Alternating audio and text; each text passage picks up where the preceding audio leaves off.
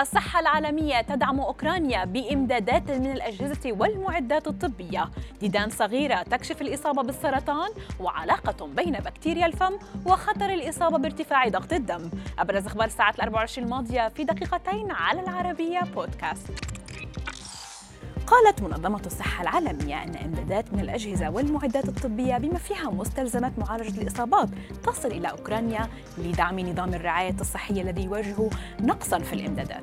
وقالت المنظمة أن سلاسل الإمدادات اضطربت بشكل تعطل الكثير من الموزعين عن العمل. وصعوبة وصول المخزونات بسبب الحرب وتضاؤل الإمدادات الطبية بفعل ضغط رعاية المرضى والجرحى في المستشفيات. وقالت المنظمة أنها تعمل مع الشركاء للتخفيف من نقص المعدات والأدوية المهمة مثل الأكسجين والإنسولين ومستلزمات الجراحة والتخدير ونقل الدم. ديدان صغيرة أصبح بعض الأطباء يستعينون بها لاستكشاف سرطان الرئة.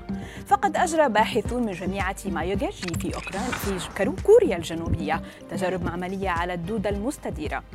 وتبين أنها تتلوى في طريقها نحو الخلايا السرطانية باتباع أثر الرائحة وذلك وفقا لما نشرته صحيفة ديلي ميل البريطانية وبناء على النتائج يرجح الباحثون أنه بوضع دودة على رقاقة تحاليل يمكن أن يحصل الأطباء على طريقة غير جراحية لاكتشاف وتشخيص سرطان الرئة في مرحلة مبكرة.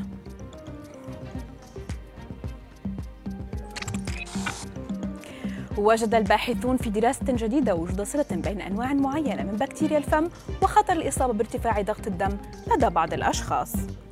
ويقول الباحثون أن أنواعا معينة من البكتيريا يمكن أن تؤثر على ضغط الدم وكذلك تزيد من خطر الإصابة بارتفاع ضغط الدم ولحماية صحة فمك عليك اتباع ما يلي. اغسل أسنانك مرتين يوميا على الأقل. استخدم الخيط يوميا. استخدم غسول الفم لإزالة بقايا الطعام المتبقية. اتبع نظام غذائي صحي والحد من الأطعمة والمشروبات السكرية. استبدل فرشاة أسنانك كل ثلاث إلى أربعة أشهر وتجنب استخدام التبغ والتدخين.